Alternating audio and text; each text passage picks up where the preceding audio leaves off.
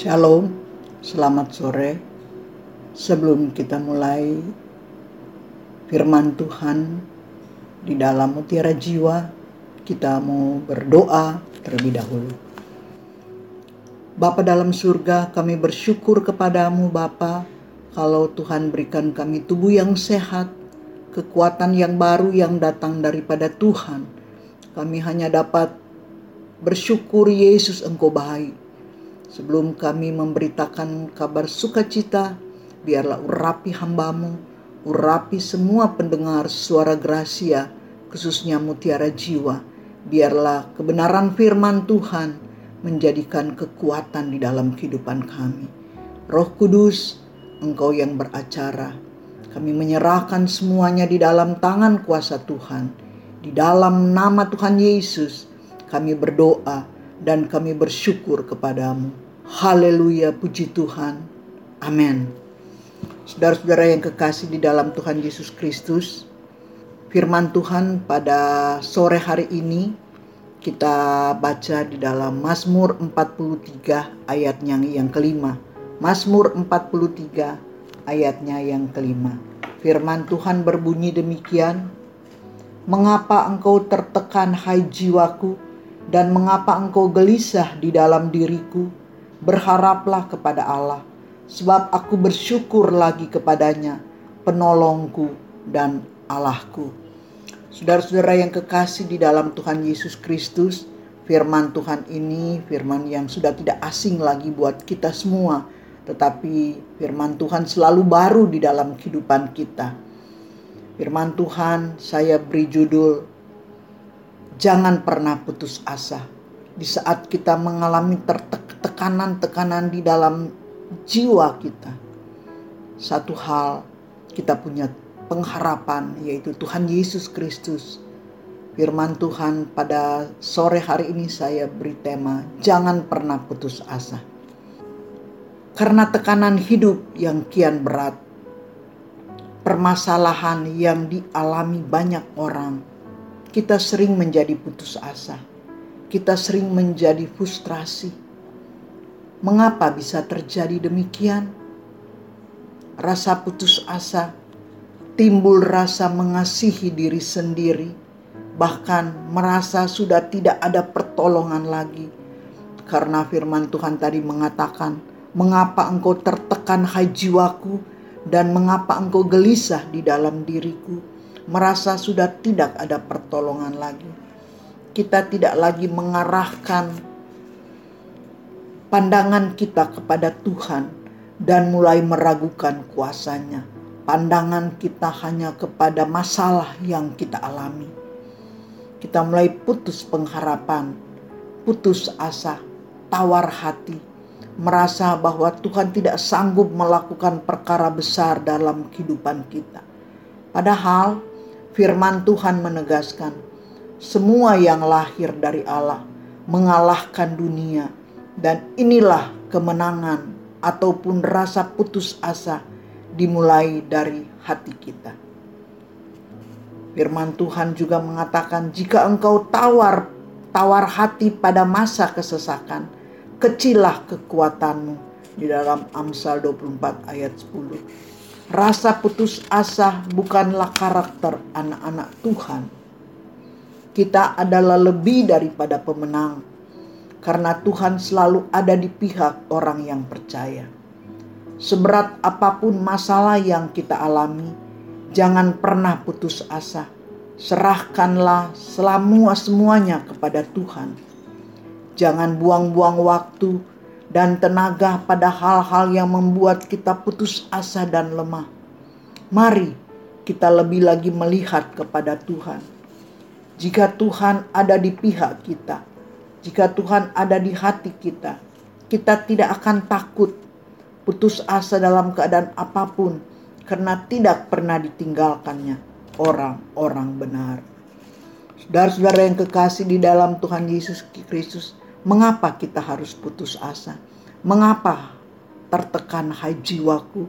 Mengapa tertekan uh, seluruh hidup kita? Ada tiga hal kita bisa belajar dari firman Tuhan. Itu hal yang pertama, berharaplah kepada Tuhan. Terkadang Tuhan memakai masalah-masalah untuk menarik kita lebih dekat, lebih mengerti, dan mengetahui akan dirinya. Tuhan memberikan pengalaman-pengalaman paling indah, intim, dan bersekutu dengan Tuhan. Di saat kita dalam masalah yang sesulit apa pun, seolah-olah doa-doa kita tidak didengar lagi oleh Tuhan. Firman Tuhan mengatakan, Tuhan adalah sumber pengharapan kita. Firman Tuhan yang tadi kita baca menceritakan bagaimana pengalaman Daud memaksa jiwanya untuk tidak tertekan dengan cara di tengah masa yang sulit apa pun dan sukar apa pun supaya hanya berharap kepada Tuhan. Saudara-saudara yang kekasih, tidak ada manusia yang tidak memiliki masalah.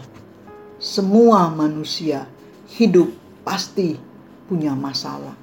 Tinggal bagaimana kita mengintrospeksi akan diri kita. Bagaimana kita menjalankan hidup kita dan selalu mengandalkan akan Tuhan, selalu mengikut sertakan akan Tuhan di dalam kehidupan kita. Seringkali eh, masalah apa pun yang kita alami sering menguasai akan hidup kita. Karena apa? Kita jauh daripada Tuhan. Kalau kita dekat dengan Tuhan, kita percaya kita bisa mengatasi masalah-masalah yang beban-beban berat yang ada di dalam kehidupan kita ketika keadaan dan situasi semakin berat, maka mata hati kita hanya terfokus kepada Tuhan, memandang kepada Tuhan.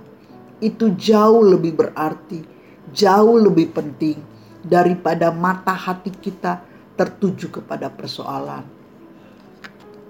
Berharap dan bersandar dan bergantung dan mengandalkan Tuhan untuk menolong atau melepaskan dan memberi kemenangan atas setiap masalah persoalan hidup kita.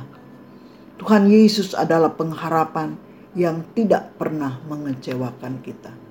Saudara-saudara yang kekasih dalam Tuhan Yesus Kristus, firman Tuhan yang kita kita baca tadi mengatakan bahwa sering kita tertekan, tubuh jiwa raga roh kita tertekan dengan masalah karena apa? Kita tertuju uh, pikiran kita kepada masalah. Tetapi di saat kita mendengarkan kebenaran firman Tuhan pada sore hari ini, bahwa Yesus sumber pengharapan, Dia sanggup memberikan jalan keluar, Dia sanggup memberikan kita kelegaan di dalam kehidupan kita. Jadi berfokuslah hanya kepada Tuhan, jangan kepada masalah yang kita hadapi tidak ada manusia yang tidak punya masalah, tetapi tinggal bagaimana kita respon untuk menghadapi masalah tersebut. Hal yang kedua yaitu mengucap syukur untuk setiap peristiwa. Sikap dan respon atas pergumulan kita juga menyebabkan jiwa kita makin tertekan. Jika kita makin membiarkan emosi, membiarkan amarah, dan bersungut-sungut protes, kecewa kepada Tuhan, kita semakin tertekan alias apa stres saudara. 1 Tesalonika 5 ayat 18 mengatakan ucapkanlah syukur dalam segala hal. Katakan melalui mulut kita, Tuhan, aku mengucap syukur untuk masalah apa pun, sebesar apa pun masalah yang saya hadapi saya tetap bersyukur kepadamu karena saya memiliki pengharapan hanya datang daripadamu. Setiap masalah tidak pernah tidak ada jalan keluar, pasti ada jalan keluar yang terbaik. Oleh karena itu, setiap saat saya percaya Tuhan pasti pembela kami, Tuhan pasti menolong kami, dan segala perkara dapat ditanggung. Karena kami memiliki Tuhan Yesus yang hidup. Untuk masalah yang sebesar apa pun, kita terus mengucap syukur adalah bukti bahwa kita bisa menerima dan memahami bahwa apa pun yang terjadi adalah seizin Tuhan dan membawa kebaikan-kebaikan bagi kita. Masalah ini hanya sebagai luarnya saja, dan di dalam masalah tersebut ada kebaikan-kebaikan Tuhan, dan ada berkat-berkat Tuhan, ada pengalaman-pengalaman yang menguatkan iman kita di saat kita menghadapi masalah, entah itu masalah ekonomi, entah itu masalah eh, anak-anak, masalah rumah tangga, masalah suami, istri, masalah pekerjaan. Kita percaya kita memiliki Tuhan Yesus yang hidup. Kita memiliki sumber hidup kita. Kita mau datang kepada Tuhan. Kita memohon belas kasihan yang datang daripada Tuhan. Untuk Tuhan bukakan jalan di dalam kehidupan kita. Jadi masalah apa pun yang kita hadapi, kita tetap mengucap syukur kita tetap mengatakan dari mulut lidah bibir kita. Aku bersyukur Tuhan dengan masalah yang Tuhan hadap, Tuhan berikan kepada kepada saya karena kita percaya di balik semua itu ada berkat yang Tuhan sediakan. Di balik semua masalah yang saya hadapi, kami percaya di situ pasti ada jalan keluar yang terbaik. Tidak ada masalah yang tidak ada jalan keluar. Bersama Tuhan Yesus, kami akan melakukan perkara-perkara yang besar, yaitu masalah sebesar apa pun, Tuhan sanggup memberikan jalan keluar yang terbaik. Jadi, hal yang kedua, bersyukur setiap masalah, peristiwa-peristiwa yang Tuhan berikan buat kita. Kayaknya berat, tetapi kita percaya di dalam tangan kuasa Tuhan, seberat apa pun masalah yang kita hadapi di saat kita berdoa, di saat kita memohon kepada Tuhan. Di situ hati kita bisa lega, di situ beban berat apa pun diangkat dan kita diberikan kelegaan. Hal yang ketiga, di saat kita mengalami tekanan-tekanan jiwa kita, tekanan-tekanan di dalam kehidupan kita. Firman Tuhan mengatakan, "Jangan pernah putus asa. Mengapa engkau tertekan, hai jiwaku? Hal yang ketiga yaitu percaya mujizat itu masih ada. Yakinlah di dalam diri kita. Persoalan itu adalah cara Tuhan untuk memberikan mujizat-mujizatnya bagi kita. Apa pun penyebab masalah itu, percaya bahwa di dalam masalah yang kita hadapi, pekerjaan-pekerjaan Allah akan dinyatakan di dalam hidup kita sesuai firman Tuhan kita pada saat ini. Jangan pernah putus asa. Jangan pernah jauh daripada Tuhan. Di saat kita mengalami masalah, kita berseru, mengucap syukur, memanggil Yesus, Engkau penolong kami, Engkau sumber pengharapan kami. Kita melihat Abraham sekalipun tidak ada dasar untuk berharap, namun kepercayaannya untuk menjadi lemah dan tetap percaya sanggup melakukan mujizat atas dirinya. Roma 4 ayat 18 sampai 19. Jadi kita bisa melihat bagaimana pertolongan Tuhan di saat kita mengalami masalah yang sangat besar apa pun. Jangan pernah jauh daripada Tuhan. Tetap kita bersandar dan berpengharapan kepada Tuhan karena Dia adalah sumber pertolongan kita. Dia adalah sumber hidup kita kita baca di dalam Roma 4 ayat 18 sampai 19 firman Tuhan mengata demikian. Jauhkanlah dirimu dari per...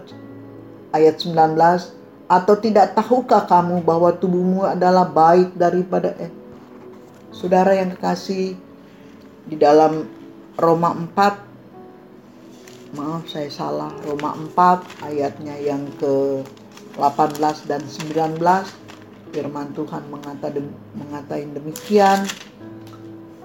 Roma 4 ayat 18 sampai 19 Rasa takut kepada Allah tidak ada pada orang itu. Tetapi kita tahu bahwa segala sesuatu yang tercantum dalam kitab Taurat ditujukan kepada mereka yang hidup ayat 18 dan 19 sebab sekalipun tidak ada dasar untuk berharap Namun Abraham berharap juga dan percaya bahwa ia akan menjadi bapa banyak bangsa menurut yang telah difirmankan. Demikianlah banyaknya nanti keturunanmu. Imannya tidak menjadi lemah, walaupun ia mengetahui bahwa tubuhnya sudah sangat lemah karena usianya telah kira-kira 100 tahun dan bahwa rahim Sarah telah tertutup. Tetapi kuasa Tuhan memberikan dia keturunan ilahi. Jadi Abraham sekalipun tidak ada dasar untuk berharap, namun kepercayaannya untuk menjadi lemah dan tetap percaya bahwa Allah sanggup melakukan mujizat atas dirinya. Saudara-saudara yang kekasih di dalam Tuhan Yesus Kristus, sering kali kita mengalami uh, tantangan yang sangat berat, masalah yang sangat berat. Dan kita sudah sering berdoa, sudah sering uh, melakukan apa yang Tuhan Yesus uh, untuk kita lakukan. Tetapi sering jawaban-jawaban doa kita belum Tuhan jawab. Jangan pernah putus asa. Biarlah iman kita tetap kuat, tetap teguh, tetap berpengharapan bahwa Tuhan Yesus pasti akan menjawab doa saya. Tuhan Yesus pasti membukakan jalan, pasti memberikan jalan keluar di dalam kehidupan kami. Mungkin itu masalah ekonomi, mungkin itu masalah anak-anak sekolah, masalah anak-anak yang bandel, masalah suami atau istri. Oh Tuhan sanggup melakukan perkara-perkara yang besar penuhi Tuhan hati kita dengan percaya akan janji-janji firman Tuhan ya, yang merupakan kepastian, jawaban dan dasar kebenaran bahwa Tuhan sanggup menolong dan melakukan mujizat bagi kita. Mujizat masih ada. Buat apa jiwa kita tertekan? Percaya saja kepada firman Tuhan. Maka Tuhan Yesus akan melakukan perkara ajaib di tengah-tengah persoalan hidup kita. Jadi saudara-saudara yang kekasih, sebagaimana Daud, Daud menceritakan bahwa di saat dia tertekan jiwanya, di situ dia berseru memanggil nama Yesus. Di situ dia menyertakan Tuhan. Saudara pasti tahu masalah-masalah yang dihadapi Daud lebih daripada masalah yang kita hadapi. Daud mengalami masalah bagaimana uh, dia dikejar-kejar oleh orang-orang untuk membunuh Daud. Tetapi Tuhan adalah penolong. Jadi kita tidak perlu putus asa, tidak perlu khawatir di saat kita mengalami masalah datang kepada Tuhan. Datang kepada kebenaran firman-Nya, percaya bahwa Yesus dia adalah penolongku. Dia adalah sumber hidup berharaplah kepada Allah sebab aku bersyukur kepadanya. Aku bersyukur lagi kepadanya. Dia adalah penolongku dan dia adalah Allahku. Jadi saudara-saudara yang kekasih apa pun masalah yang kita hadapi biarlah melalui kebenaran firman Tuhan yang kita dengar pada sore hari ini boleh memberikan kita kekuatan. Jangan lari daripada Tuhan Jangan pernah menyalahkan situasi dan kondisi atau orang lain. Tetap datang kepada Tuhan. Tetap kita memohon belas kasihan Tuhan. Dan Tuhan pasti memampukan kita untuk kita melalui masalah itu, melalui jalan keluarnya Tuhan. Jangan pernah putus asa. Biarlah kebenaran firman Tuhan pada sore hari ini menjadi kekuatan bahwa tidak ada manusia yang tidak ada masalah, tetapi masalah itu sampai saat ini di manakah masalah itu sudah Tuhan berikan kita kemampuan untuk kita boleh mengatasi masalah itu, untuk kita boleh uh, menjadikan Tuhan sebagai penolong kita. Biarlah firman Tuhan pada sore ini menjadi berkat buat kita semua. Dan sebelum uh, saya akan tutup firman Tuhan ini, kita akan berdoa. Bapa dalam surga kami bersyukur kepadamu. Biar kebenaran firman Tuhan supaya kita tidak putus asa. Dengan masalah yang menekan jiwa kita, menekan seluruh hidup kita. Satu hal, Tuhan penolong kita. Tuhan Engkau adalah sumber hidup kami. Tuhan Yesus Engkau adalah sumber jalan keluar kami. Oleh karena itu Engkau memberkati semua pendengar yang sudah mendengarkan firman Tuhan. Mungkin mereka punya masalah yang sangat berat yang tidak bisa mereka atasi lagi. Kami minta roh kudus jamah mereka, lawat mereka Bapa, sehingga mereka merasakan bahwa Tuhan penolong, Tuhan sumber hidup, Tuhan sumber kekuatan yang sanggup memberikan jalan keluar yang sanggup melegakan uh, hati mereka, hidup mereka. Tuhan Yesus, Engkau jamah semua pendengar suara Gracia di mana pun mereka, mereka berada. Kami berdoa mereka yang dalam keadaan sakit, Tuhan lawat jamah. Kami berdoa buat Ibu Sholen. Kami berdoa juga buat suaminya Ibu Eeng. Semua dalam keadaan baik, semua dalam keadaan sehat. Mereka yang dirawat di rumah-rumah sakit maupun di rumah-rumah Orang-orang tua kami yang sudah lanjut usia juga Tuhan Engkau tolong mereka. Berikan mereka penghiburan, berikan mereka kekuatan untuk mereka boleh mm, uh, melalui hidup ini dengan uh, hanya berserah penuh kepadamu. Sekali lagi kami menyerahkan semua pendengar suara Gracia. Oh Tuhan tolong mereka yang mengalami masalah ekonomi, masalah rumah tangga, masalah anak-anak, seapapun yang menjadi beban-beban doa uh, orang-orang yang mendengar suara Gracia. Tuhan Yesus jawaban doa-doa kami. Engkau adalah sumber pertolongan kami. Engkau adalah sumber uh, jalan keluar kami. Kami bersyukur kepadamu Bapa. Berkati juga semua karyawan suara Gracia kami percaya Roh Kudus yang akan memberikan pertolongan. Terima kasih Bapakku yang baik. Terima kasih Tuhan Yesus. Engkau adalah Tuhan kami, penolong kami. Segala puji, segala uh, kemuliaan hanya bagi Tuhan. Hanya di dalam nama Tuhan Yesus Kristus, Tuhan dan Juru Selamat kami yang hidup. Kami sudah berdoa dan bersyukur kepadamu. Haleluya, puji Tuhan. Amin.